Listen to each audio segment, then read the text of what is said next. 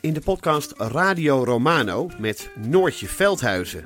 Met Marcel van Roosmalen. En met Roelof de Vries. Brengen we alle drie elke week een zogenaamde signalering mee. Wat heb jij nou weer bij je? En aan het eind bepalen we wie de winnaar van de week is. Echt een angstcultuur Lege huls die je er bent? Ja, dat gaat eigenlijk altijd onvriendelijk. Luister nu naar Radio Romano bij Podimo. Via podimo.nl slash Radio Romano luister je 30 dagen gratis. De strijd om de miljoenen van Siewert van Liende is losgebarsten. Zowel de staat als zijn stichting eisen de mondkapjeswinst terug. Maar dat die opbrengst in ieder geval niet thuis hoort bij Van Liende, daarover kan toch eigenlijk geen twijfel bestaan. Hoe kon het zo ver komen? Dit is het. We hebben beet. En als Siewert het geld teruggeeft, kunnen wij dit schandaal dan eindelijk loslaten? Je hoort het in de Mondkapjesmiljonairs, exclusief bij Podimo. Ga naar podimo.nl slash mondkapjes.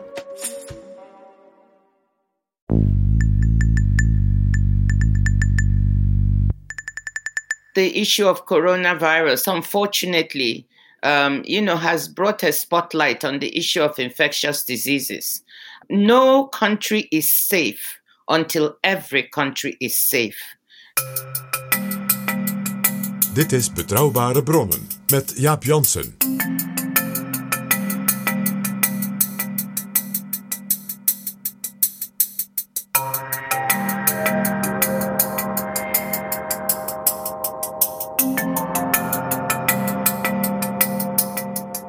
Hallo, welkom in Betrouwbare Bronnen, aflevering 98. Het coronavirus raakt de hele wereld. Niet alleen Nederland, Europa, Wuhan of New York. In Betrouwbare Bronnen vandaag als gast een vrouw die behoort tot de top van de wereld van de mensen die bezig zijn met het bestrijden van corona. En ook met het bestrijden van andere epidemieën zoals ebola en mazelen. Haar naam is Dr. Ngozi Conjo-Iweala. Dit is Betrouwbare Bronnen. Ik ga zo met haar praten, samen met PG. En PG, voordat we dat gaan doen, kun jij ons vertellen wie zij precies is? Dr. Ngozi, want zo kent iedereen haar en zij kent ook echt iedereen, is een hele bijzondere vrouw. Zij komt uit Nigeria, het grootste land van Afrika. Meer dan 200 miljoen inwoners. Is nu op een miljoen of twee na net zo groot als Brazilië. Is groter dan Pakistan. Dus dat behoort tot de landen zeg maar, na eh, China, India, de Verenigde Staten. eh, tot zeg maar, de volgende hele grote landen. Het behoort ook tot de snel groeiende economieën in de wereld. En ook een heel snel groeiende bevolking. Eh, het is dus veel groter dan Rusland, om eens een voorbeeld te noemen. Nou, zij komt daar uit, zeg maar, ja, de gestudeerde elite. Sterker nog, zij ging als tiener al naar Harvard. Studeerde daar magna cum laude af in ontwikkelingseconomie. Werkte heel lang bij de Wereldbank. En kwam toen terug naar Nigeria. Bij zeg maar, een nieuw, meer democratisch bewind. Toen dat kwam na een aantal generaals. En toen is zij ook minister geworden. Ja, dat niet alleen. Zij is de eerste vrouw in de geschiedenis van Nigeria die minister van Financiën werd. Daarna werd zij de eerste vrouw in de geschiedenis van Nigeria die minister van Buitenlandse Zaken werd. En toen kwam ze na een aantal jaren bij de Wereldbank op haar zeg maar, eerdere baan terug opnieuw als minister van Financiën. Maar president Jonathan die zei wordt ook maar meteen coördinant minister voor alles wat betreft de economie. Ja, Good Luck Jonathan heeft haar dat toen gevraagd. En dat is ze gaan doen. En dat is ze gaan doen. Uh, dus dat is al een loopbaan op zichzelf. Dat je zegt, wauw. Maar nog interessanter, juist nu, in de tijd van de grote kredietcrisis, 2008, 2010, was zij de tweede, ja, tweede man hè, van de Wereldbank. De managing director. En zij is de initiator geweest en de trekker van een programma om die landen die gewoon niet meer uh, zeg maar, toegang kregen tot de kapitaalmarkt. He, zoals Griekenland dat dus binnen de EU uh, enorm probleem had. Maar dat gold natuurlijk nog voor heel ja, we veel praten nu landen. over de financiële en economische crisis van 2008-2009. Precies. Toen heeft zij gezegd wij moeten als Wereldbank en als landen met elkaar een programma in gang zetten om ervoor te zorgen dat die landen die dus niet meer kunnen betalen voor de meest eenvoudige importdingen, dat daar geen enorme hongersnoden en vreselijke ziektes uitbreken. Omdat er bijvoorbeeld nu geen verband meer is en geen eten en allemaal van dat soort ellende. Ja, en, en dan komt inderdaad op zo'n moment komt de Wereldbank in beeld. En daar was zij toen een van de topmensen. De nummer twee. En zij heeft dus dit bedacht. Dat speciale programma. Natuurlijk ook vanuit haar kennis. Uh, ze hebben ook uit haar jeugd en uit de landen waar ze natuurlijk heel veel mee werkte vanuit de Wereldbank. Dan is er een fonds in elkaar gezet van 49 miljard dollar. Om dus landen in die crisissituatie uh, uh, te beschermen. Zodat daar niet ja, een totale collaps als het ware van de samenleving zou ontstaan. Nou, uh, je hoort het al, dat is dus een, een, een hele krachtige dame als bestuurder. En ja, de Wereldbank ging natuurlijk aan haar trekken zodra zij in Harvard was afgestudeerd. ik bedoel, met zo'n enorme diploma. Ja, een beetje het type Michelle Obama. Weet je briljant intellectueel, zeer krachtige persoonlijkheid.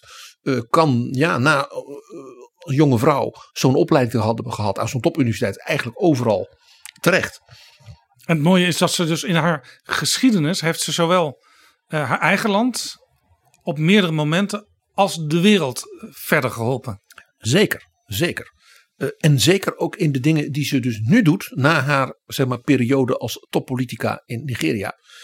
Uh, bij de Wereldbank coördineerde zij het portfolio van lange termijn zeg maar, financieringsregelingen voor landen in Afrika, Zuid-Azië, Centraal-Azië en zeg maar, in Europa, dus de landen dus met name in het oosten van Europa. Een portfolio van 81 miljard dollar. Zo. Maar ik wil het eigenlijk vooral hebben over haar ministerschap in Nigeria. Ja, want de laatste keer dat ze minister was, heeft ze ook enorme strijd gevoerd tegen de corruptie in haar land Nigeria. Daar heeft ze zelfs uiteindelijk een boek over geschreven. Ze heeft meerdere boeken geschreven over hoe je dus uh, ontwikkelingslanden naar een hoger plan kunt tillen. Dat ze dus economisch uh, uh, zeg maar steviger zijn. Waardoor je dus ook lange termijn investeringen kunt doen in het talent van jonge mensen in de universiteiten, in het vormen van bedrijven die niet corrupt zijn. Ja. Zodat dat, dat is ook good mooie, governance ook. Want ze, ze, ze, heeft haar eigen land geholpen, ze heeft Afrika geholpen, ze heeft de wereld geholpen. En ze geeft het ook nog door aan nieuwe generaties bestuurders en politici. Van hoe doe je dat nou, zo'n ingewikkeld land of zo'n ingewikkelde omgeving beter maken? Leuk voorbeeld, een van de functies die ze nu heeft, is voorzitter van het Nelson Mandela Instituut. Wat is dat? Dat is niet een of ander soort charity ding. Dat is een soort koepel. Wij zouden zeggen een soort VSNU. Van alle technische en wetenschappelijke beta-universiteiten van heel Afrika. Die dus ook weer hè, door haar werk bij elkaar gebracht worden. Dus de slimste mensen bij elkaar. Dus ook daar weer typisch die manier van hoe kun je op de juiste plekken. Eh, als het ware zo'n continent enorm op helpen tillen. Wat natuurlijk typisch ook de droom van Mandela was. Nou, ze heeft als minister van Financiën een aantal heel interessante dingen gedaan. Ze heeft bijvoorbeeld de overheid en dus zeg maar de rijksbegroting van dat enorme land gestabiliseerd. En dan denk je, nou wat is gestabiliseerd? Kijk, Nigeria bestaat in feite uit olieinkomsten. Ja. Het is een land in dat opzet als Venezuela, als de golfstaten, uh, als Angola. Ja, dat is, dus, dat is dus geweldig als je die inkomsten hebt, maar het is niet altijd stabiel, zoals we nu bijvoorbeeld merken met olieinkomsten. Precies, zoals ook Poetin merkt, voor wie hetzelfde geldt. Uh, dus landen die afhankelijk zijn van bijvoorbeeld één grondstof ja, voor hun begroting, die zijn dus uitermate volatiel, zoals dat heet. Want er hoeft maar even een dingetje te zijn in de Persische Golf of een economische recessie in Amerika en die olieprijs schiet omhoog of schiet omlaag. Zoals we nu zien met de coronacrisis. Dat betekent dus dat zo'n land gevoelig is voor enorme klappen omlaag. Waardoor dus als het ware de hele overheid ineens op instorten staat. En moet gaan lenen en, hè, met korte termijn. Dus ellende. Grote staatsschuld. Maar ook gevoelig voor enorme plussen omhoog. En dan valt er dus ineens een heleboel geld uit te delen. Wat ook gevaarlijk is. En dan wil iedereen mee eten uit die ruif. Hè, toen kon Poetin ineens 40 miljard geven voor de Olympische Spelen in Sochi. Ja. Precies. Ja. Wat heeft zij gedaan? Zij heeft die begroting als het ware helemaal geredesigned. En heeft precies gedaan wat bijvoorbeeld een land als Venezuela niet gedaan heeft. Met alle ellende van ding. Ze heeft gezegd, we gaan de begroting zo bouwen. Dat de inkomsten uit olie tot een bepaald bedrag, tot een bepaald zeg maar, percentage.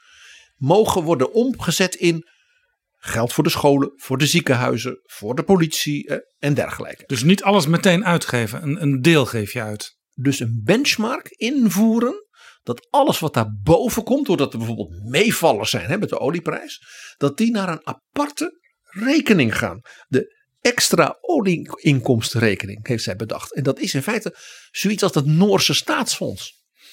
Bij wijze van spreken, zoals we in Nederland de zalmnorm kennen, heeft zij de Dr. Ngozi-norm ingevoerd. Nou, je zou eigenlijk kunnen zeggen, het, het FES, het Fonds eh, Economische Structuurversterking, dat betekende dus twee dingen. Zij kon dus als minister van Financiën tegen alle internationale organisaties zeggen: de Nigeriaanse economie en het staatsbudget is hiermee dus gestabiliseerd. Dat betekent dus dat wij niet meer ineens allemaal paniekerige leningen moeten doen als, als iets tegenvalt. Of dat er ineens overal geld en dus corruptie gaat ontstaan als het meevalt. Dat betekent dus, u kunt op ons rekenen. We hebben dus een berekenbaar land zijn we geworden. Dat betekent dus dat je veel minder hè, uh, uh, rente hoeft te betalen als er een keer wel een probleem is. Het vertrouwen in Nigeria kon daardoor toenemen. Precies. En je kon sparen. Je kon dus zeggen, oké, we hebben nu hè, in dat, die extra olieinkomstenrekening die als het ware naast de begroting staat. Zullen we nou eens gaan investeren in dit? Zullen we nu eens gaan investeren in dat? Dus echt lange termijnvisie. En die volatiliteit, zoals dat zo mooi heet, van dus een typische begroting van zo'n land. En dit gaat dus om een land van honderden miljoenen inwoners. Was daarmee dus weggedrukt. Dat betekent dat dus de positie van Nigeria in de wereld enorm werd versterkt. Ja, en als je dus nu Nigeria hoort in het rijtje van snel groeiende landen in de wereld, dan is dat mede aan haar te danken en haar beleid. En dus vooral ook dat die stabiliteit in die snelle groei als het ware geborgd blijft. Zodat je ruimte hebt voor grote investeringen in andere dingen voor de lange termijn. Daar zal ik straks een paar voorbeelden van noemen. Uh, een ander tweede ding, die zal jou niet verbazen, uh, is dat zij natuurlijk zei: als je een begroting zo maakt, stabiel, berekenbaar, dan zorg je voor good governance. Een van de grote vraagstukken in alle landen eh, in ontwikkelingssituaties. Ja, hoe omschrijf je good governance? Want dat vind ik altijd zo'n makkelijke term. Uh, uh, ja, betrouwbaar bestuur. Waar je dus ook elkaar op kunt aanspreken in zo'n land en ook als je samenwerkt met een land wat good governance pretendeert. Zij heeft een aantal buitengewoon praktische dingen gedaan. Wat een van de allerleukste dingen vind ik in, het, in mij verdiepen in haar levensgeschiedenis, is hoe praktisch ze is. Weet je wat ze heeft gedaan? Ze heeft gezegd: elke deelstaat, Nigeria is een federale republiek, een beetje à la Duitsland, een beetje à la Amerika. Met hele grote verschillen, ook uh, godsdienstig. Uh, sommigen zijn christelijk, sommigen zijn moslim. Uh, de stammen die natuurlijk heel verschillen.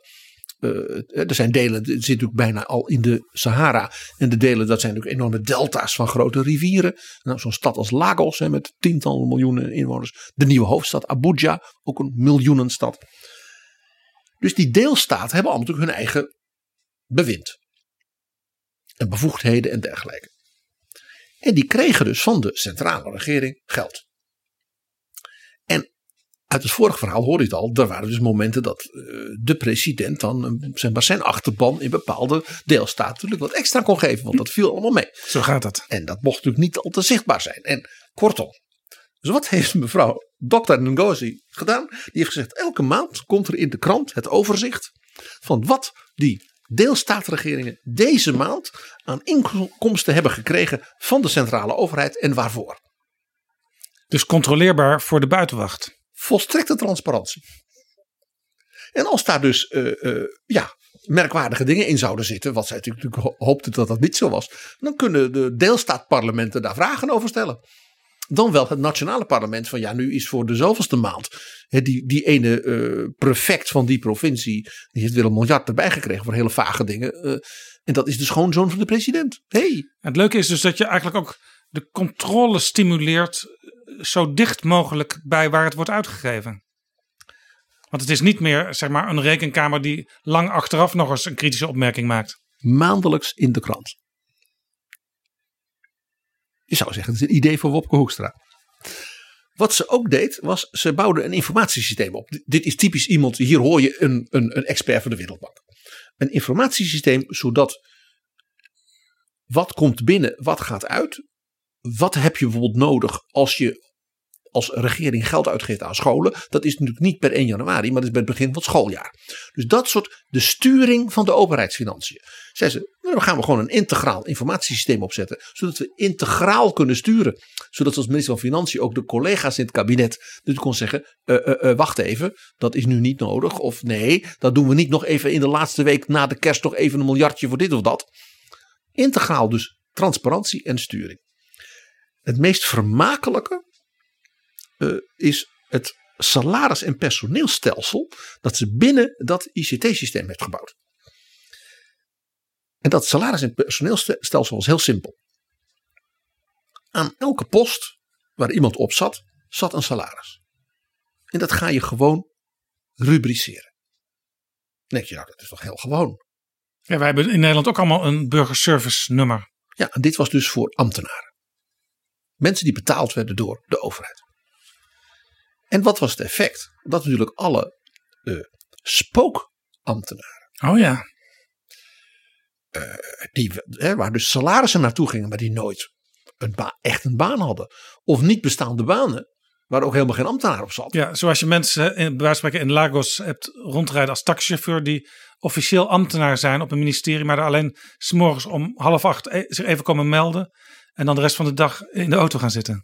Nou ja, we kennen dit type verhalen ook wel uit Italië. Uh, in de tijd van voordat uh, die rechter Di Pietro de sanering daardoor. Ja, ik heb het in Suriname ook meegemaakt. Uh, laten we niet vergeten dat Jacques Chirac als burgemeester van Parijs ook behoorlijk voor de rechter is gesleept voor een paar van dat soort dingen. Kortom, dat is echt niet iets alleen van Nigeria of Afrika. maar die spookbanen, die kwamen dus ineens in beeld.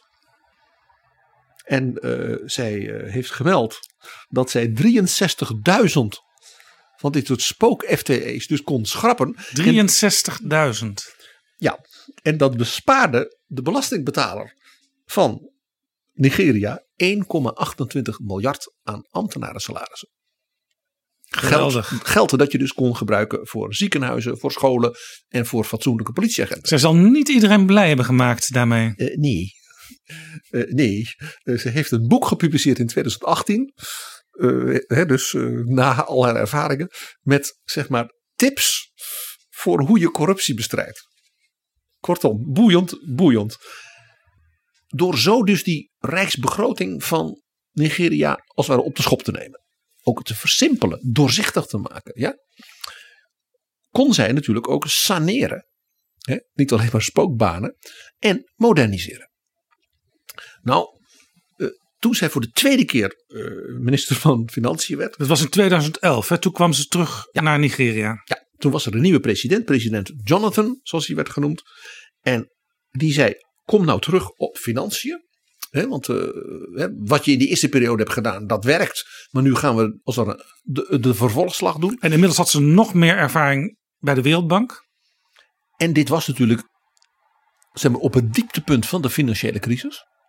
He, dus het moment van wat kunnen we doen om er weer uit te komen. Dus de president heeft toen gezegd van word ook maar meteen de coördinerend minister voor alles wat betreft de economie. De superminister ze. Ja, een beetje de baan eigenlijk die Jacques Delors had onder Mitterrand. Minister van Financiën en van Sociale Zaken en van Economie. Die Den Uyl ooit had willen hebben in het uh, tweede kabinet van acht. Ja, maar anders dan Den Uyl uh, viel zijn niet uh, binnen een half jaar. Maar ze was zeg maar Wopke Hoekstra, Erik Wiebes en Koolmees in één persoon. Een vrouw kan dat, zou, uh, zouden sommige van onze luisteraars zeggen. Julia Wouters zou onmiddellijk ja. zeggen de Ma zijkant van de man. Mariette Haber. Ja, uh, zeker, zeker. Uh, het was crisis. Dus ze zei, we moeten ook een aantal dingen gewoon soberder gaan doen. En dat is meteen ook te gebruiken voor een volgende slag tegen de corruptie. Dus toen heeft ze iets gedaan wat bepaald niet populair was. Zij zegt, wij gaan stoppen met subsidies uh, die de centrale overheid geeft voor het kunstmatig laag houden van energieprijzen. Oh ja. Want dat is gewoon een enorme subsidiecircus. Uh, de consumptie van energie wordt daardoor bevorderd. Dus mensen gaan heel inefficiënt met ons. Want het is toch goedkoop.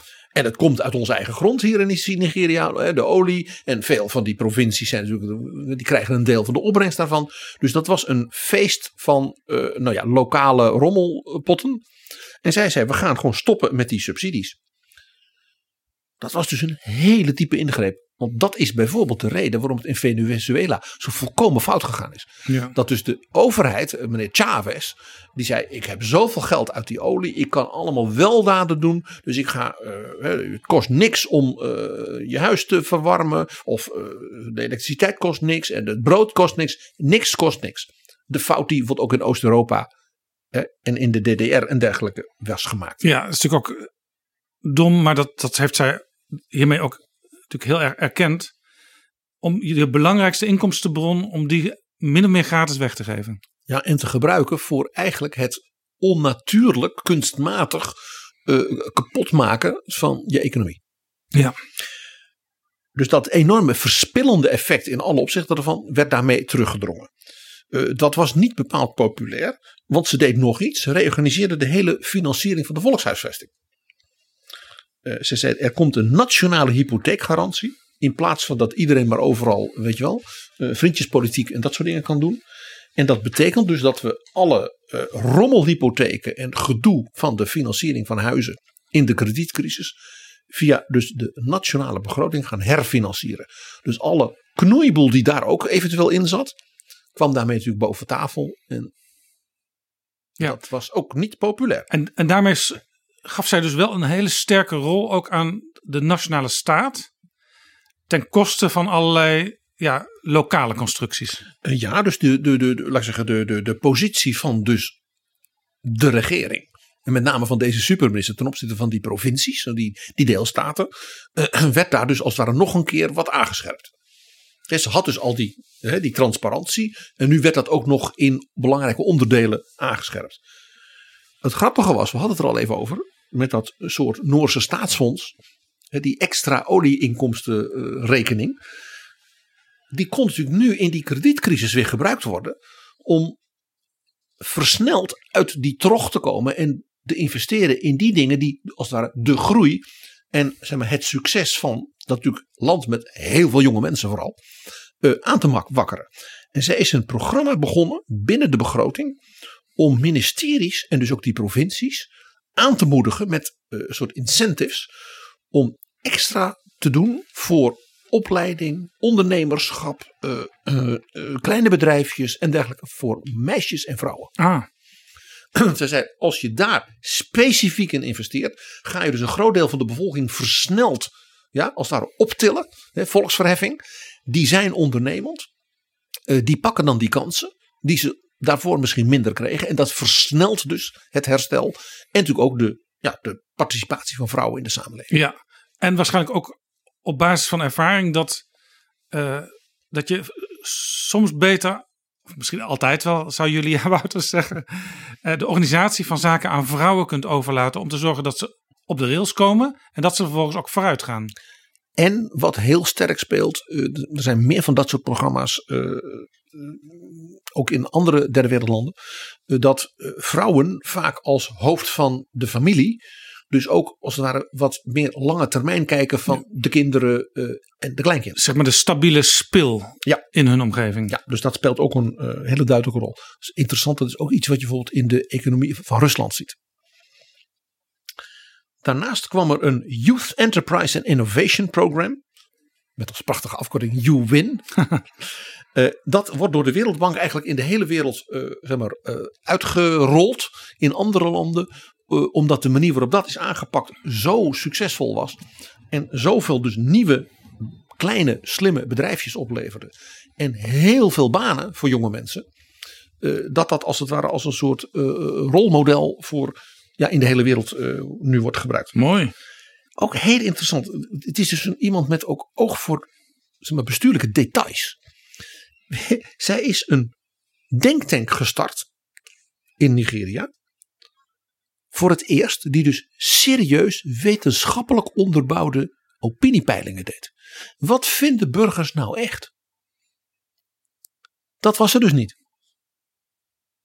Zeker niet als je natuurlijk regelmatig staatsgrepen hebt met een militair bewind. En dan komt er weer een vrijgekozen Ja. president. En dan, Dan wil zo'n nieuw regime vaak de, het verleden weer wegwissen. dus En dit- zichzelf ook beter uit de peilingen laten komen dan misschien de werkelijkheid is. Maar dit hoort dus bij dat element van die good governance. Maar ook die transparantie bijvoorbeeld van die provincies weten dus dit krijgen ze. En de pers weet het ook. Heel interessant uh, ding. Nou, ook onderdeel van haar ja, lange termijn uh, investeringsvisie. Zij is toen uh, als minister daarmee begonnen en doet dat nog. Want zij is de voorzitter van het Nelson Mandela Instituut ja, in Afrika. Die noemde je al even. Ja, en dat is ook weer zo'n typisch lange termijn instituut. Ze heeft ook een eredoctoraat in Tel Aviv gekregen. Dat is haar laatste eredoctoraat in 2019. Dus ook in dat opzicht is zij niet eenkennig. En geeft ook aan hoe zij wereldwijd erkend wordt als belangrijke persoon. Nou ja, dat blijkt ook als ik je vertel wat ze na haar ministerschap uh, uh, onder andere is gaan doen. Want, uh, laat ik zeggen, dus, dus zeg maar de laatste jaren. Ja, ze is voorzitter geworden van een hele bijzondere club binnen de Afrikaanse Unie, zeg maar de EU van Afrika. Dat is de African Risk Capacity groep. Dus het capaciteit voor risico. En dan dus niet elk land op zich, maar met z'n allen dat organiseren. En dat is bedoeld, uitermate actueel, om de lidstaten voor te bereiden. Stel nou als er volgend jaar grote overstromingen zijn. Er is een hongersnood. Er dus- is een ebola-uitbarsting. Ja, is deze club bijvoorbeeld bij de ebola-bestrijding de afgelopen jaren betrokken geweest? Exact. Waar uiteindelijk gevierd kon worden dat de laatste besmetting verdwenen was. Ja, maar dan komt het misschien wel weer terug. Maar er zijn dus meer van dat soort uh, grote ziektes, maar ook dus uh, uh, ja, natuurrampen. als hongersnood, de, de, klimaatverandering die een grote rol speelt. Ja, wat ik zelf ook heel leuk vind is, zij zit in de board of directors van Twitter. Ja, dat is heel interessant. Dat, Jack Dorsey, de baas, bedenker van Twitter, heeft dat zelfs ook met enige fanfare bekendgemaakt. Hij was duidelijk daar heel trots op. Ze zit trouwens ook in het bestuur van Harvard waar zij natuurlijk zelf gestudeerd heeft. En waar al haar kinderen ook gestudeerd hebben. Ja, de, de, de meeste zijn of arts, net als haar man. Uh, of uh, net als zij econoom. En ze is dus sinds uh, 1 januari 2016 de bestuursvoorzitter van Gavi, de Vaccine Alliance. En Jaap, daar hebben wij alles een keer in betrouwbare bronnen een gesprek mee gevoerd. Namelijk met de chef daarvan, zeg maar de CEO. Ja, we hebben in Betrouwbare Bronnen aflevering 10, dus, al wel een tijd geleden, hebben we Seth Berkeley geïnterviewd. Die was toen te gast in Nederland bij Sigrid Kaag, de minister. En hij kwam vertellen wat Gavi allemaal doet in de wereld. En dat is, dat is echt indrukwekkend. We zullen het zo met uh, dokter Ngozi ook nog over hebben. Wat Gavi allemaal doet. Hij was trouwens profetisch, Seth Berkeley, toen in Betrouwbare Bronnen. Laten we even luisteren naar zijn waarschuwing van toen in aflevering 10. One of the problems with vaccines is that if you have very high coverage, you, the diseases disappear. And then what happens is people forget how bad the diseases are.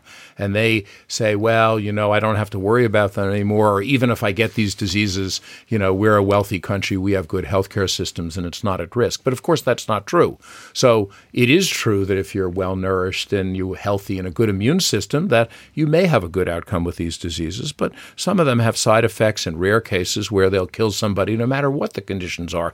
And that, of course, is tragic. So this is one of the processes we have to do is to make sure that people remember how bad these diseases can be. And as you say, when uh, Dutch people travel to other countries, they put themselves at risk. Um, but also, people will come to the Netherlands. So even if you never travel, you potentially are at risk from these diseases, which is why everybody needs to be immunized. Seth Berkeley, the CEO van Gavi, eerder in betrouwbare bronnen. En we gaan zo over de lijn praten met de voorzitter van Gavi, Dr. Ngozi. Zij zou in Nederland zijn, maar ja, dat kan nu niet. Uh, maar niettemin uh, heeft zij dus, uh, nou ja, terwijl ik nu tegen jou praat, zit zij te praten via online met Sigrid Kaag, met de minister. Uh, ook over ja. de actualiteit. Want ja, wat, wat zij dus doen en wat Seth Berkeley Ik denk dat, toen... Ze, dat ze ongeveer klaar is. Dus we, moeten, we kunnen zo naar haar gaan schakelen als het goed gaat. Dan rond ik het nu meteen af, ja. Uh, want wat, wat zij dus als voorzitter ja, trekt en wat die Seth Berkeley dus als CEO uitvoerde. Ja, dat is natuurlijk toen wij dat gesprek hadden in de beginperiode van Betrouwbare Bronnen.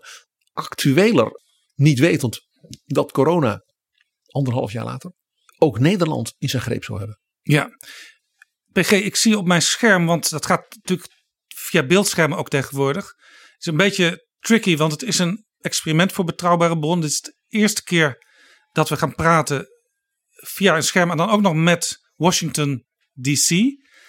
Want uh, Dr. Ngozi zit, zoals zoveel mensen nu, thuis te werken. En ik, ik hoorde vandaag nog dat ze even moesten kijken of zij wel een, een geschikte koptelefoon in huis had. Ik was een beetje bang, oeh, oeh, oeh. Uh, maar het komt waarschijnlijk goed. En dat gaan we zo testen, want ik zie al wat beweging op het scherm. En dan is zij dus klaar met haar gesprek met Sigrid Kaag. Ja, die heeft zij in haar schema voor ons gesproken. Zij heeft eigenlijk gewoon hetzelfde schema aangehouden wat zij bij haar bezoek aan Europa en dus ook aan Nederland zou handhaven.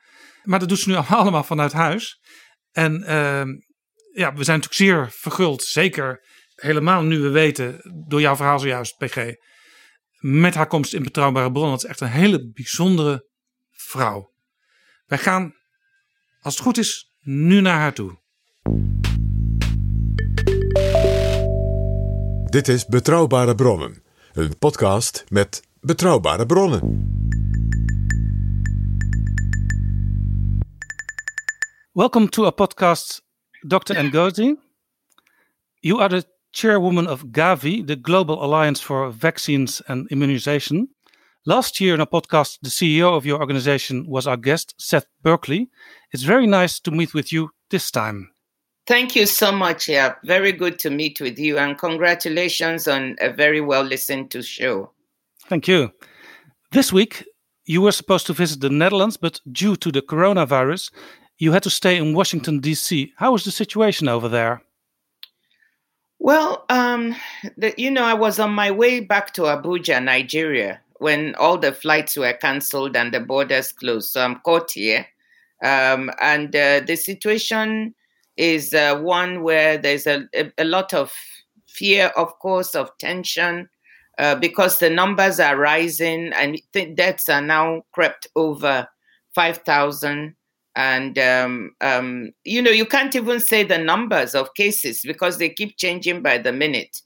Um, but hopefully, uh, with most of the places, states in lockdown, everybody is hoping that social distancing will help flatten the curve so that we can avoid some of the worst incidences of deaths. Yeah, that's the same with us. And I see you are working also from home. I'm absolutely working from home. As you know, I live in both Abuja, Nigeria, and in Washington. So I'm, I'm lucky that at least I find myself in a reasonable place. Your organization, Gavi, tries to immunize as many people possible in the poorer parts of the world against preventable infectious diseases by funding vaccines. At this moment, that's of course a very topical issue. How successful are you in doing this? Oh, Gavi, one of the reasons I joined Gavi and, and, and, uh, and took on the role of uh, chair of the board four and a half years ago is because I was very excited about the results that this organization gets. Um, you know, it's since it was founded in 2000, it's immunized 760 million children and saved 13 million lives. And in the next strategic period, uh, from from uh, uh 2021 to 2025, we hope to immunize another 300 million children, saving another 8 million lives. So, this is an organization whose results you can measure concretely, and I'm proud to be part of it. That really sounds amazing. Now we have the coronavirus, and that sends the world as a whole a strong message that no one really is safe from those diseases. And maybe that helps you in your mission too, I think. Absolutely. I think the issue of coronavirus, unfortunately, um, you know, has brought a spotlight on the issue of infectious diseases. Um, no country is safe until every country is safe. Uh, we are all in this together, you know, to fight it. And the, the issue for us that we want people to remember from Gavi is that we must not forget the, the regular infectious diseases that Gavi fights, you know, like measles, diphtheria, and so on. If you recall, in the DRC a couple of months ago, where Ebola was being fought, a lot of attention and resources were diverted to fighting Ebola, so much so that measles killed two and a half times the number of people who died from Ebola. So the world must learn to, to also keep attention on the fight against the, eh, the regular disease as well as the new COVID 19. We, we have to work on the two at the same time. Yeah. Five years ago, Bill Gates, who's a strong supporter of Gavi, warned the world already for those diseases. Yes, absolutely. I mean, in 2015, I think Bill Gates gave a TED talk in which he, he was saying the world should prepare for, uh, you know, a pandemic of this sort. Or he was saying the world is not prepared and we should prepare. If anything kills over 10 million people in the next few decades, it's most likely to be a highly infectious virus rather than a war. Not missiles, but microbes. Now, part of the reason for this is that we have invested a huge amount in nuclear deterrence. But we've actually invested very little in a system to stop an epidemic. We're not ready for the next epidemic. Uh, you know, there are so many things that happen that policymakers tend to pay attention sometimes to shorter term issues. And the warning was not as well heeded as, as everybody would have liked. Our health systems are, are not ready, whether it's in the developed countries or the de- much less in the developing world. So that's what we can learn today. Uh, nowadays, you had your agenda blocked for visiting Europe, as I said, mm. uh, because you wanted to talk with many governments about sponsoring your organization. Finally, in London, in the month of June, there would be made a pledge by all those donor countries for about $7.4 billion to help vaccinate the world. Do you still expect to get this huge amount of money? Well, it's thank you so much. Uh, it is um, it, it, we fully expect to get it because it is necessary, and I want to stress that we cannot fight these other infectious diseases if we don't get the replenishment. And you know, Gavi is a very, very efficient organization, three percent administrative cost, so it's actually asking for slightly less than it got at the last replenishment, and uh, we are very hopeful We've had good examples of uh, the US government, interestingly, has pledged $1.16 billion, 16% higher than last time. Germany has pledged 600 million euros, and we're looking to see if they can do a little bit more. Uh, but we're very grateful to Chancellor Angela Merkel. And uh, other countries are coming forward. Uh, the Gates Foundation will soon pledge, and of course, the British who are hosting the replenishment. So we're very hopeful that countries will stick to supporting this. And I want to say one more thing. Gavi has tried to reallocate some of the resources to help fight COVID 19 in the countries right now. We've made available 200 to 300 million dollars to poor countries, to vulnerable countries to be able to buy test kits, equipment, um, to to uh, recruit more community workers so that they can get the message out on COVID and the proper hygiene to take. So I'm quite proud of what we're doing now. So you're shifting your attention a little bit to the coronavirus at this moment. Well, we're doing both. We're not taking attention off of the regular vaccination campaigns. I must say it's getting a bit difficult because with all the border closures, you know, delivering the vaccines, the logistics, as you can imagine, it's not as easy. Uh, so we're struggling with that, but we're not at all. We're doing both. We believe we can walk and chew gum. So we can keep our regular program and still work on COVID, including for the future, we're working with CEPI, the Coalition yes. for Epidemic Preparedness Innovation, and with WHO on a new vaccines for COVID 19, for coronavirus. And we hope that within the next 12 to 18 months, we'll have something. Gavi is very concerned that from the very beginning, the, uh, we should be working with manufacturers and developers to make sure they manufacture at scale it, so that there'll be enough for developing countries at affordable prices. Yeah, I cannot imagine that countries are closing the borders for you. I cannot imagine. Well, I, I wouldn't say that they're closing the borders for us. I think they just closed the borders for everything. You know, in the first panic, most governments implement a lockdown to make sure that they don't have imported uh, uh, cases of coronavirus. But when you lock down the seaports, the airports, uh, then it means that even routine medications and vaccines and other things cannot come in. I think many countries are recognizing that now, and they are trying to lift some of the blockages so we can bring stuff in. You talked to the Dutch minister Sigrid Kaag, and I understood you asked the Dutch government for $275 million for your fund. Will the minister help you that way? Well, we uh, we we we asked uh, the minister, and we had a very very great conversation. Uh, she's totally on top of the issues, along with the DG uh, Kitty. They understand. Of course, she mentioned the internal trade-offs and tensions, internal requirements of the Netherlands. You know, everybody is scrambling. And as a former finance minister, I understand that, that you have your internal requirements, you have trade offs, you have to convince colleagues. But I spoke to her very strongly about the good that Gavi is doing. This benefits the whole world. And she did not promise, she, she promised to take a good look at it. But of course, I didn't really get a number already. No, that's the way diplomacy works mostly. yeah, we are hoping. We are very, very hopeful.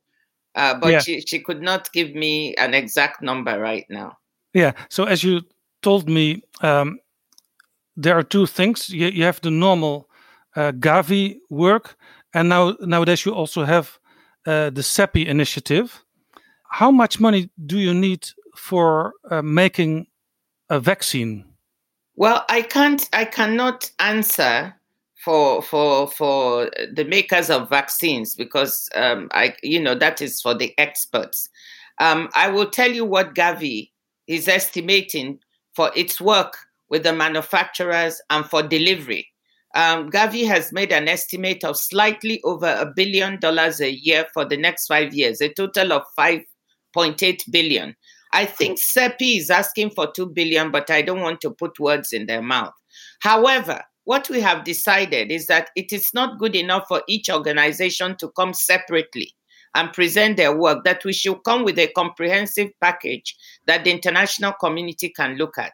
So, as we speak, the CEO of Gavi at Berkeley is working very hard with Dr. Tedros of WHO, with Dr. Hatchett of CEPI on a comprehensive plan for the for looking at vaccines manufacture and delivery, which they will present to the international community. Now, CEPI is looking at about eight to 10 vaccines that it's coordinating the work on. There are also other vaccines being worked on elsewhere.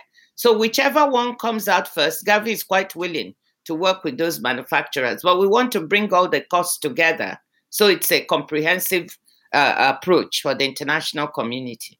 Yeah, and CEPI is also an initiative of the uh, G20, so it's a worldwide thing. Yeah, it, it, it is also supported. The G20 in their last communique supported CEPI, WHO, and Gavi to work on these vaccines. So we are very grateful. Yes, and and uh, uh do do I understand it right that the the, the five billion in five years is necessary to have uh, all over the world 10 factories? No, I don't want to talk about the number of factories though, that you, you need to work on. I, it's just the amount of money we estimate. We, you know, we have some very innovative instruments like the AMC, the Advanced Market Commitment. That enables us to incentivize manufacturers to manufacture the vaccine at volume by promising them that we will bring 73 countries you know, because we work in all these countries. Then they have, they know they can make some money from it and they can reduce the prices for developing countries. So that's what we do. That's why we need money now. We don't have to wait. If we wait till the vaccine is done, we're too late. Then they will manufacture only for developed countries who can pay. That's and, very yeah. So that's, that's very clear. It, yeah, yeah, thank you. This week, the Dutch health minister, Hugo de Jonge, donated 10 million euro for it. Is that a good start? Well, every every every bit is welcome. Um, so we very much welcome this 10 million euros. I think some other countries have also donated certain amounts of money. I know the UK has donated something, and we're very grateful. However, we will need to do much, much more than that. It's a first step. It's a first step but we are grateful. I want to say something about the Netherlands. They have been very supportive of Gavi. Um, you know, Parliament has been wonderful. The ministers, uh, uh, um, Sigrid, the the the uh, DG of of Development Cooperation, the Prime Minister, we are very grateful for their support of Gavi. Um, they recognize this is an organization that is delivering value, and and you know we we, we appreciate that. That sound that's good to hear. Um, normally, it takes about eighteen months for a new vaccine to get to the market. Is there a way to to make it to, to get it to the market faster if there's a new vaccine? I think from everything I hear, I heard people are working in Germany. Um, you know, I had a conversation with the parliamentary state secretary of finance in Germany. They're working. China is working. The US is working. Um, other countries. We have never seen such a fast development of vaccines. It took five years to get an Ebola vaccine, and even that was considered fast. So the fact that the scientists feel that within 12 to 18 months we will have a vaccine is unheard of. It's unprecedented. So that's I can only echo what they say. I think they're working as fast as possible. You already said that it's very important for all the nations in the world to work together on coping with this virus and making a new vaccine. In 2009, there was a very big economic and financial crisis in the world. Then there was a special G20 summit in London, and people think that that was a very important meeting that in those days. Do you expect such a moment, uh, maybe within a few weeks now? Well, I would hope so. I, I very much rem- remember the, the G20 summit. Uh, Gordon Brown uh, uh hosted it. I happened to be there. So it's like a, a, to be privileged to attend from the World Bank side. And uh, it was a huge achievement for the international community because they came together, they put together the necessary resources. I think that this time we see more retrenchment. You know, countries are becoming very nationalistic, looking only at themselves, closing their borders, not coming together. But uh, we are appealing to the G20, the G7, uh, you know, to to reverse this trend. And the last communique of the leaders of the G20 gave some a lot of hope that they will move in the right direction. Because if you don't have a global approach and the global resources, you're not going to make it. Look at what is happening in the developed countries. They are they are putting forward fiscal stimulus, almost eight to ten percent of GDP. If you look at the African countries, you, what they've been able to do, and I want to commend them. I know about 14 countries that have now tried to put together a fiscal stimulus ranging from 0.02% of GDP to 2.7%. That is minuscule in, in comparison to what is being done in the developed countries. So we will need the developed countries to think of the low income countries, the poor countries, and also how they are going to support them through debt relief through, uh, you know, uh, additional monies and resources to complement the efforts being made in these countries. Yeah. You yourself have been minister in Nigeria. Is there a way that Africa and Europe can work together in coping with this disease? Absolutely. And, and I, I think that that uh, partnership and solidarity, you know, Africa and Europe are so close and we have historical relationships and you're the uh, you know big big trade partner and sometimes the biggest for many African countries. So there's an interest because we are very close to you. So it's in the interest of Europe to make sure that Africa solves this problem of this virus because we are so close in proximity. Um, so I think there is a really good uh, forum. We have the Europe Africa Forum for us to work together to solve this. Yeah, that's the working together of the European Union and the African Union. Absolutely. Yeah. Uh, only a few days ago, the city of Lagos went in lockdown. Uh, you know Lagos very well. What do you hear about it? Well, I want to to um, you know commend my government for um, implementing some measures on lockdown and social distancing. But you know we need to do much more. Um, because Lagos is a huge city, more than 15 million people, and you know there's a lot of crowding in, in some of the the areas in Lagos. So it's gone into lockdown, Abuja in lockdown, many states in lockdown, but we now, now need to say, okay, all the people working in the informal sector, of which a large percentage of the workers are in the informal, how do they, they earn their money on a daily basis? If we go into lockdown, what happens to them? There's a huge thing going around now in Nigeria that if people don't die of coronavirus, they might die of the hunger mm. virus. You know, we have a very big sense of humor in my country. But what they are trying to say is we will need government to give us some support, grants, access to food. And that has to be organized in a way that you can have community workers or civil society going door to door so as to avoid crowding when people yeah. come to centers for food. So um, I think uh, they are managing it. It's not perfect, but they are trying to do their best.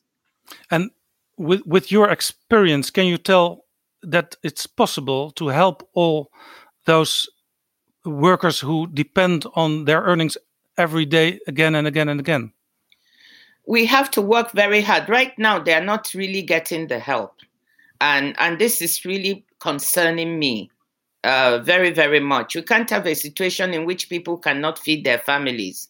So very quickly, I'm I'm concerned, and I want the government to look at the possible means by which they can get food to families um, so that they don't get into a situation where hunger.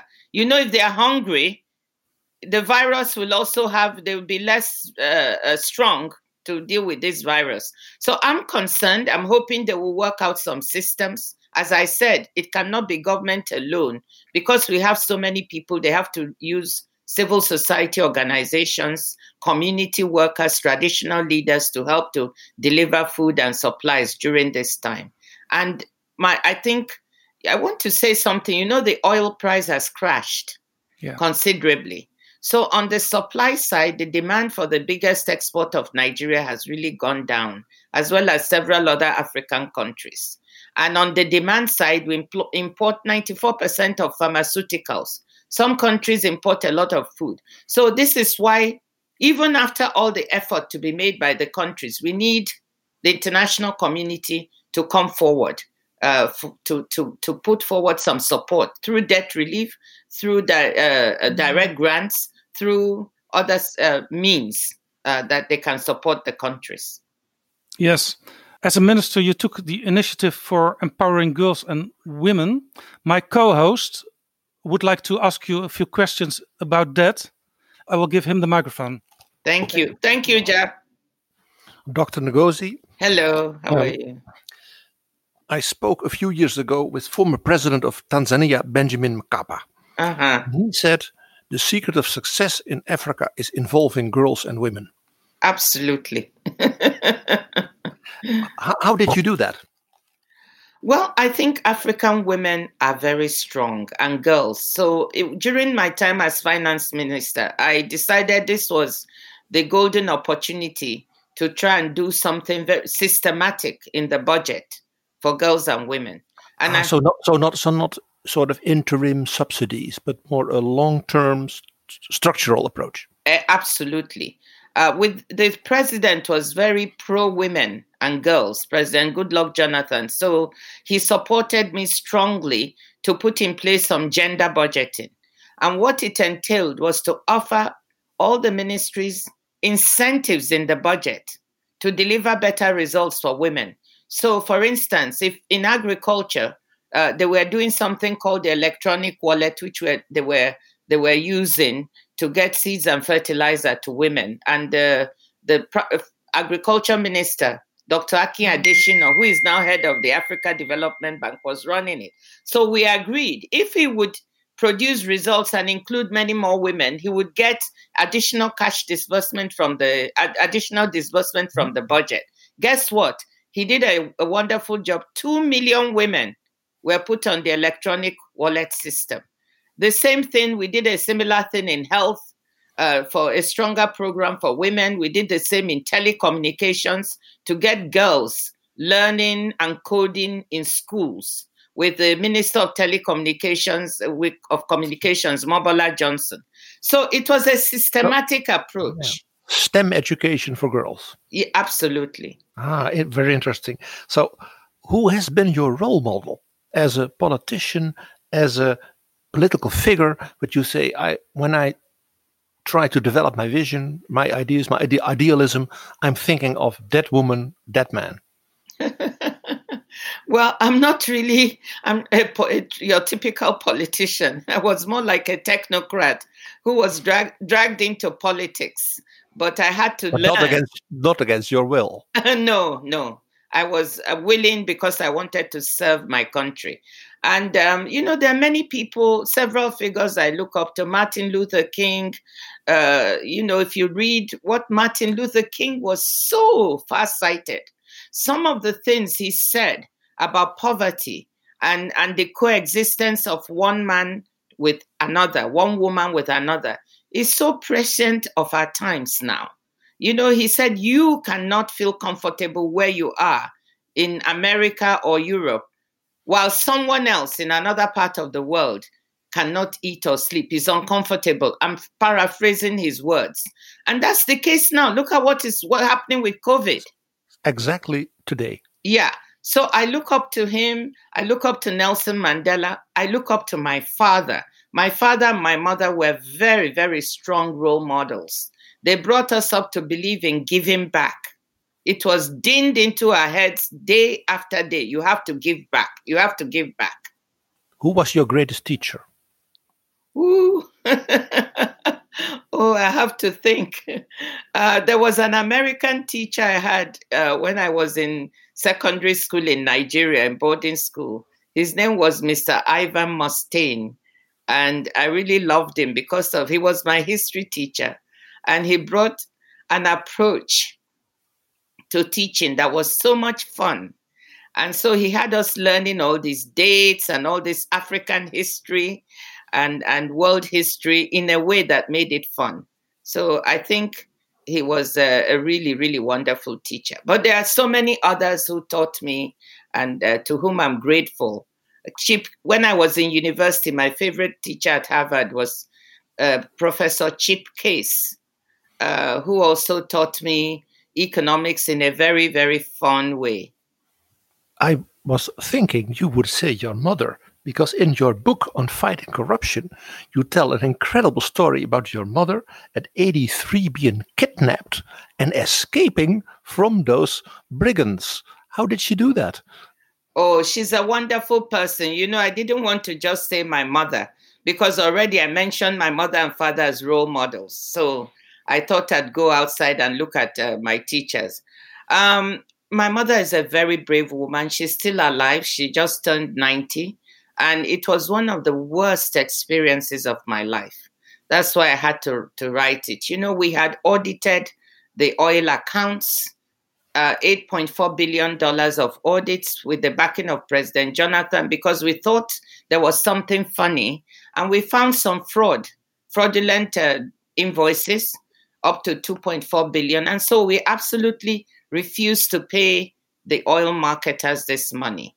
And uh, so my, they kidnapped my mother. And how did I, how did we know it was them? Because she asked them. My mother is a retired professor of sociology, and she was asking, "So why you? Why did you take me?" And they said it was because why why kidnap an eighty three year old year old lady? It was to force me to leave government. Really? That was their demand that I go to the television and the radio and I resign publicly and leave the country.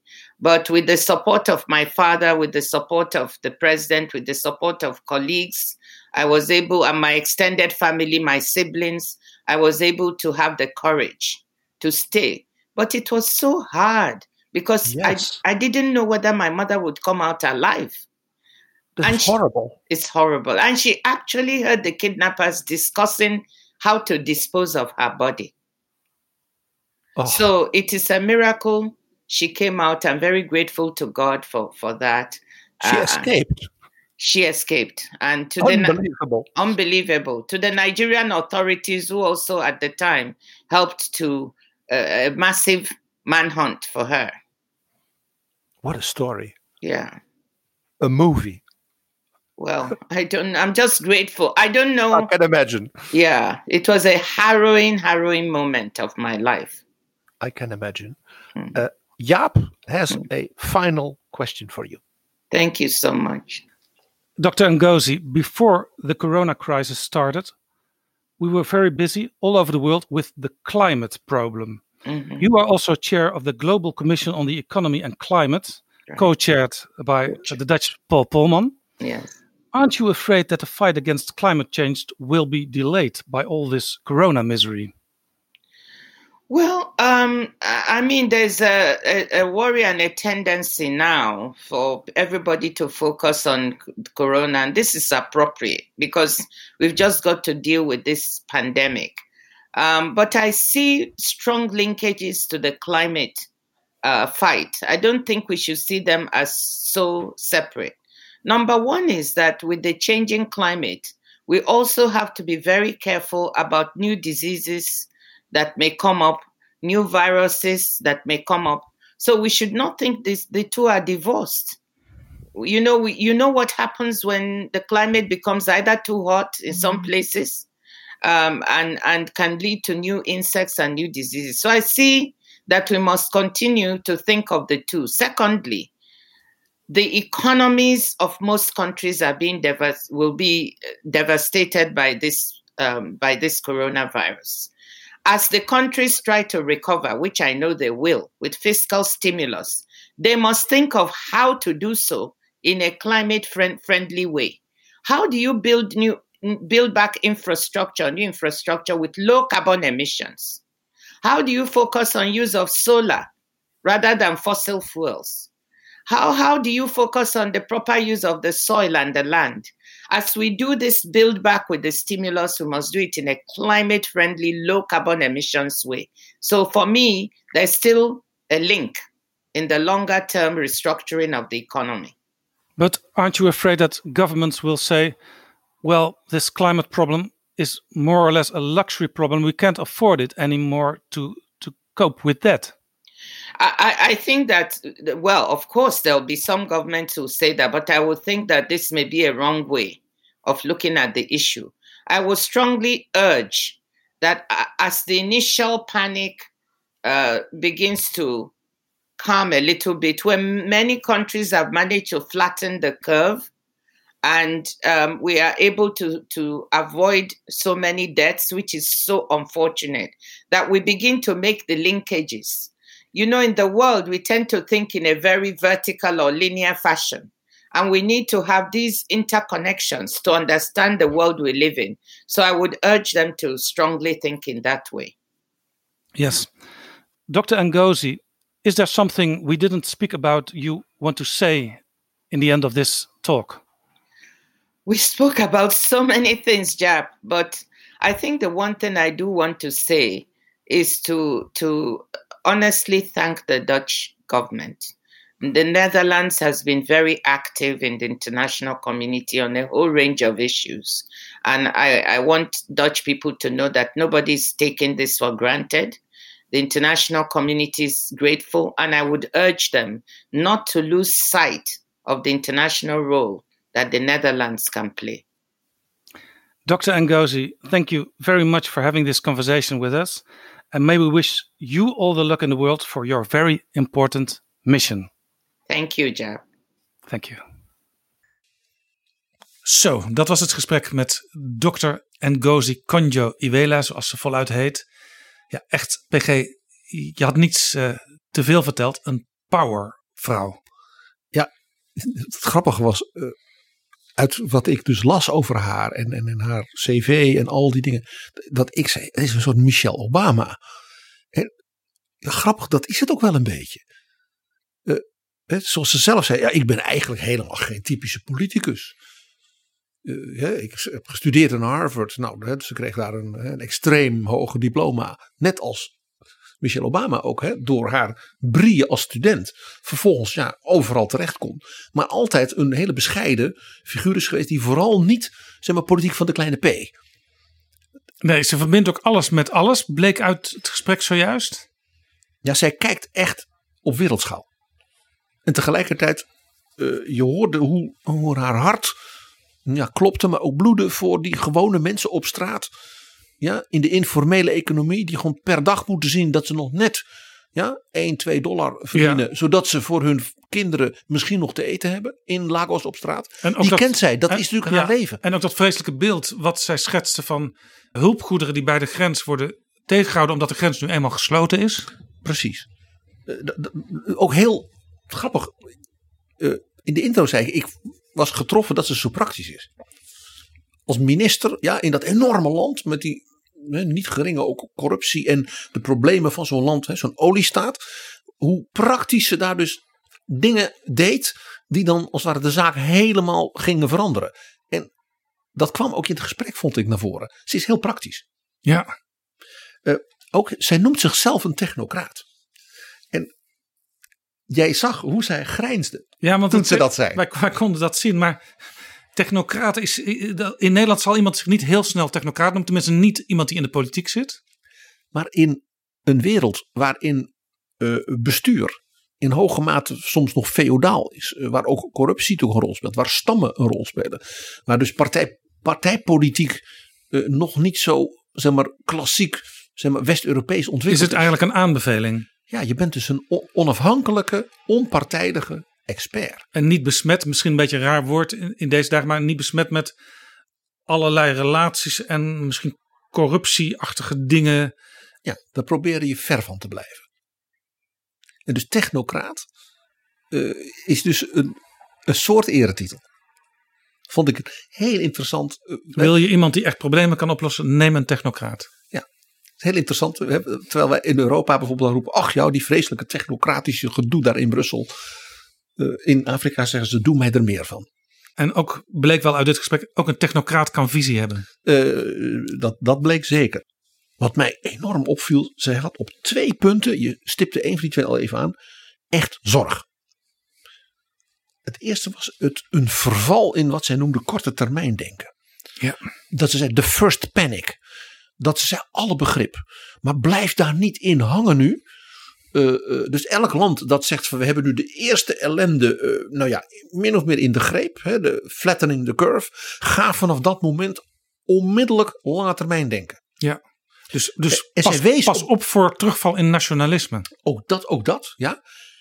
En het vlammende beroep dat zij deed op de G20 en de G7, mede vanuit haar herinneringen aan de G20 in Londen van 2009, toen Obama net president was. Ja, waar ze dus zelf bij betrokken was geweest. Waar ze zelf bij was.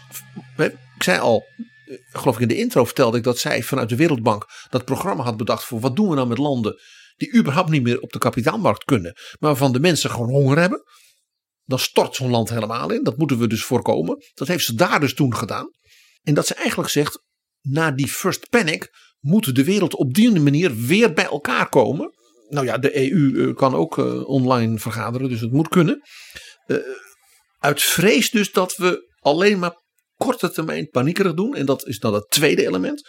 Dat ze zei, nationalisme in de zin van naar binnengekeerdheid, afgrenzen en ook letterlijk het afsluiten naar elkaar. Ja, en het mooie is dus ook dat zij zich zowel richt op de acute nood als op de opbouw die op korte termijn weer gestalte moet gaan krijgen in de hele wereld. Ja, en dus, heel, dus dat punt van dat ze van ja, ik snap dat wel dat je zegt, oh de grenzen dicht.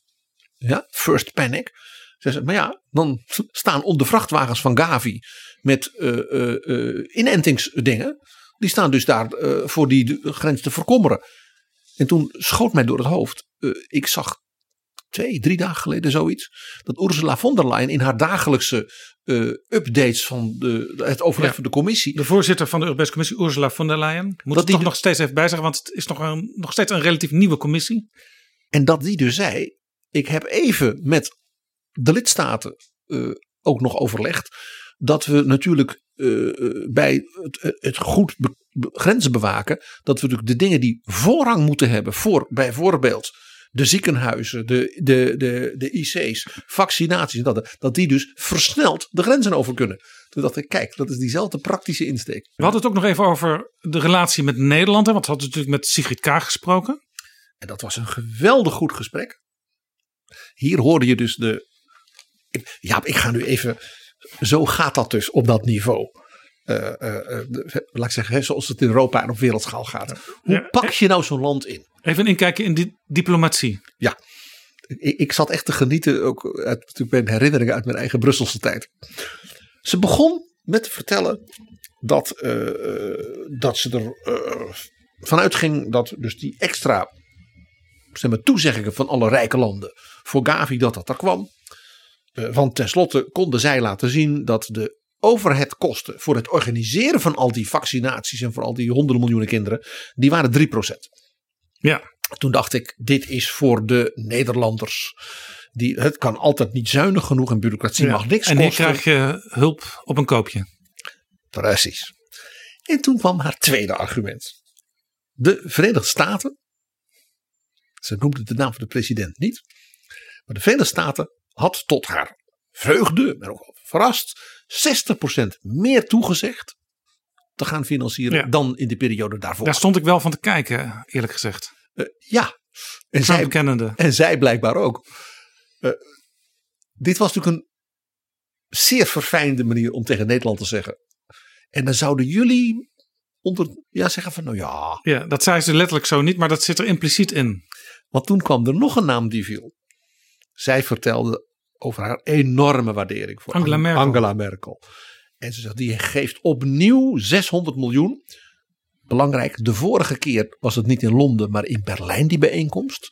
En Merkel zat er toen voor. En die heeft toen, eh, zo heb ik gehoord, eh, toen in het gesprek, een marge van het gesprek dat we met Seth Berkeley hadden, dat Merkel tegen alle CEO's van de grote Duitse bedrijven, die er ook bij waren, hadden gezegd, nou, ik, hoeveel gaan jullie doen?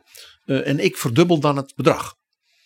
En ja, toen durfde natuurlijk niemand meer te zeggen, nou ja, 2 miljoen. Ja. Eh, dus zij, de- het was duidelijk dat eh, tussen Merkel en haar er een, eh, een hele sterke band was. Ja. En dus, dus zo werkt dat ook in diplomatie. Je, je prijst anderen om eigenlijk impliciet te zeggen... eigenlijk verwachten we van u ook wel een genereus gebaar. Als Trump zo gul, gul is en mevrouw Merkel zo betrouwbaar dat ze gewoon opnieuw 600 miljoen geeft, dan kan Nederland toch niet achterblijven. En toen zei ze er nog iets bij dat, ja, dat ik, ik genoot. Ze, dat bijzinnetje. Want die 600 miljoen was dus het bedrag van daarvoor. Dus opnieuw 600 miljoen. Trump 60% erbij. En toen zei ze, ja, ik heb gesproken nog met de staatssecretaris van Financiën van Duitsland. Van Duitsland. En eh, dus nou, we kijken nog wat voor ruimte er is. dit, was, dit was zo verfijnd. Hè, dus ze zei niet, ik had eigenlijk gehoopt dat Merkel van 600 nu naar 850 zou gaan. Maar Merkel heeft gezegd, die 600, die heb ik geregeld. En bel even met, ik zou bijna zeggen, waarschijnlijk een leerling van Peter Altmaier, een Ja, ja, CDU-staatssecretaris. Ja, waarschijnlijk de ambassade van Duitsland in Den Haag zal meeluisteren. Die maken nu ook even een aantekening die eh, meteen naar Berlijn doorgaat. En toen zei eh, Dr. Ngozi dat het gesprek met Kaag geweldig was. En ze heeft Kaag enorm hoog zitten natuurlijk. En, en ze had er alle begrip voor dat ze nog geen precies bedrag kon noemen. En dat ze natuurlijk even moest terugkoppelen met de collega's in het kabinet. En met de minister van Financiën. En toen kwam die heerlijke opmerking. Ik ben zelf minister van Financiën geweest. Ik weet hoe dat gaat. Ja. Oftewel, Wopke, je kunt me bellen. Ja. dit, was, eh, dit was hogeschool van de, de, zeg maar, de internationale diplomatie. Ja, Hè, ja. 3% eh, overheid. Trump is extreem gul. Merkel is betrouwbaar en er komt nog meer. En Nederland, natuurlijk. Nederland is zo geweldig land. Ja, dit is ook weer een les die jij ons nu leert, PG. Ook zo'n gesprek waarin een aantal hele positieve dingen worden gezegd. Eh, dat is natuurlijk mooi allemaal, maar er zit, zit altijd nog weer laagjes onder. die voor de goede verstaander heel veelzeggend zijn. Ik zeg altijd, luister altijd met je derde oor. Wat natuurlijk het, zeg maar, inhoudelijk het meest indrukwekkend, vond ik, was haar benadrukken van de zeg maar, global approach. Wil je eh, corona echt snappen, analyseren, bestrijden, eh, misschien wel voorgoed, ja, eh, zoals andere vreselijke ziektes, er een eind aan maken, dan heb je een integrale aanpak nodig. En toen kwam er iets, en ik zal het maar eerlijk zeggen, Jaap, ik eh, viel zo wat van mijn stoel. Want dat is volgens mij dus echt nieuws. Want zij zei: kijk, de G20 steunt dat uh, CEPI-project. Ja. Waar dus Gavi als het ware een belangrijke trekker van is. En vanwege die steun daarvoor zijn zij nu bezig in hoog tempo. Want ze zei, daar zijn we nu mee bezig. In feite een programma te maken voor de komende vijf jaar. Van 1 miljard per jaar. Seth Berkeley, dus haar chef bij Gavi, is daar in zelf als het ware de trekker van. Ja, ja Seth Berkeley is de CEO, zij is de voorzitter. Zij spelen dus zeg maar, in balans een rol aan de top van die organisatie. En de bedoeling daarvan is om dus nu al dus een middellange termijn gezamenlijke wereldwijde aanpak met steun van de G20 te doen. Om dus heel snel uh, mogelijke bestrijdingsmiddelen, uh, vaccinaties en dergelijke meteen op te schalen. En niet dat er op, zeg maar, in één klein instituut of bij een universiteit of dergelijke iets wordt gevonden. En dat je dan twee jaar lang uh, ja, je 10 miljoen uitgeeft, maar er nog niks kan gebeuren. Wij zaten dus met dit gesprek eigenlijk in de kern van de probleemoplossing, zou je kunnen zeggen. Ja, dus nu al integraal denkend uh, de aanpak ja, zo doen. Want ze zei, kijk, als er iets wordt gevonden in een instituut en rijke landen, die kunnen het betalen. En zij zei, als je het dus global doet, integraal, dan kan iedereen. Ja. Want dan kan de prijs meteen enorm omlaag. En dat meteen ook plannen voor de komende vijf jaar. Ja. en toen zag je dus ook haar hartelijke reactie op de inzet van, uh, van, van Nederland, dit geval van Hugo de Jonge. Die ja, zei, want ik, ik 10 miljoen uh, ja, trekken dacht, we vast meteen eruit. Ja, nou ja, ik dacht van voordat het gesprek inging, ik hoorde dus dat 10 miljoen was toegezegd vanuit Nederland. Ik dacht, 10 miljoen, is dat, nou, is dat nou eigenlijk wel een bedrag waar je mee voor de dag kan komen als het, als het uiteindelijk om miljarden gaat? Uiteindelijk om miljarden gaat, ja. Maar op, voor die opstart Zeg maar wat dus Seth Berkeley en zijn nu aan het doen zijn. Het bij elkaar brengen van al die partijen. Hè, inclusief dus ook bedrijven, universiteiten, instituten. Hoor je haar zeggen van prachtig. Eerste stap, we kunnen aan de slag. Eerste stap. Ja, ja. Dus dat was echt uh, uh, ja, niet alleen dus een soort theoretisch verhaal over een integrale benadering en holistisch. En, nee, het was buitengewoon praktisch ook weer. Ja. En aanpakken. En helemaal aan het eind. Toen ging het als het ware nog een stap, nog een stap integraler. Namelijk, toen, ik vond het heel mooi dat ze zei, het corona en het klimaatvraagstuk, dat is geen echtscheiding. They're not divorced. Die zijn getrouwd met elkaar. Toen dacht ik, oeh. En toen wees zij op het niet lineair denken rondom het herstel van de economie. Ja, lineair denk je bedoelt eerst dit aanpakken en dan vervolgens gaan we nog wel weer eens naar iets anders kijken. Dat ze zei, nu al nadenken, als we dus het economisch herstel hè, door massief uh, te investeren. Ja, waar zij in de rijke landen doen dat, zijn ze volkomen terecht en goed. De arme landen in de wereld kunnen dat veel minder. Dus ook daarin moet je elkaar weer hè, de hand vasthouden en versterken. Maar doe dat dan met zoveel mogelijk slimme, low carbon, ja. energiebesparende dus investeringen. Alles wat je straks weer gaat opstarten, dat moet zo duurzaam mogelijk zijn. Want dan versnel je meteen het aanpakken van de klimaatcrisis. Integraal denken. Dus niet lineair. En het tweede, dat vond ik wel even een dingetje. Ze zei ja, die klimaatverandering. Hier hoorde je ook weer iemand dus uit Afrika, hè, die dus gewoon on the ground, zoals dat heet. Dat die klimaatverandering betekent dat dus in allerlei regio's nieuwe epidemieën kunnen ontstaan die er bijvoorbeeld daarvoor niet mogelijk waren, omdat het bijvoorbeeld niet zo droog was. Of dat het daar uh, uh, minder heet was. Dat leidt dus ook weer tot andere ziekten. En de mensen die daar wonen zijn ja, daar dus vatbaar voor. Want ja, dat klimaat is aan het veranderen. Dus zei, ook daarop moet je de wereld voorbereiden. Ik moest even op dat moment denken aan het gesprek dat we hadden met Dirk-Jan Omtzigt. Weet je, de broer van Pieter Omtzigt die dus dat programma trekt van de VN.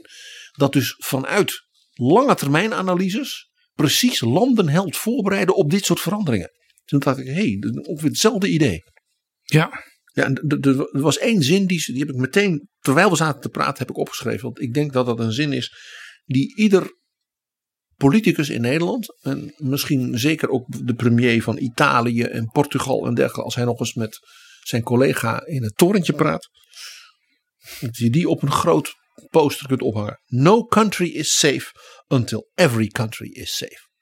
No country is safe until every country is safe. Het Geen land is veilig als niet elk land veilig is. Het muurtegeltje van Betrouwbare Bronnen, aflevering 98. Dankjewel, PG. En nogmaals bedankt, Dr. Ngozi Konjo Iweala.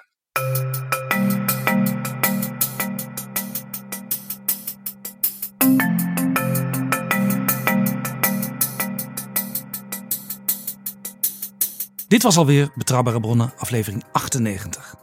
Deze aflevering is mede mogelijk gemaakt door We Nederland. Vond je deze aflevering interessant? Geef ons dan, als je wil, een waardering in je podcast-app. Heb je vragen of opmerkingen? Mail dan naar betrouwbare. Sterkte in deze coronatijd en tot de volgende keer. Betrouwbare bronnen wordt gemaakt door Jaap Jansen in samenwerking met dag en nacht.nl.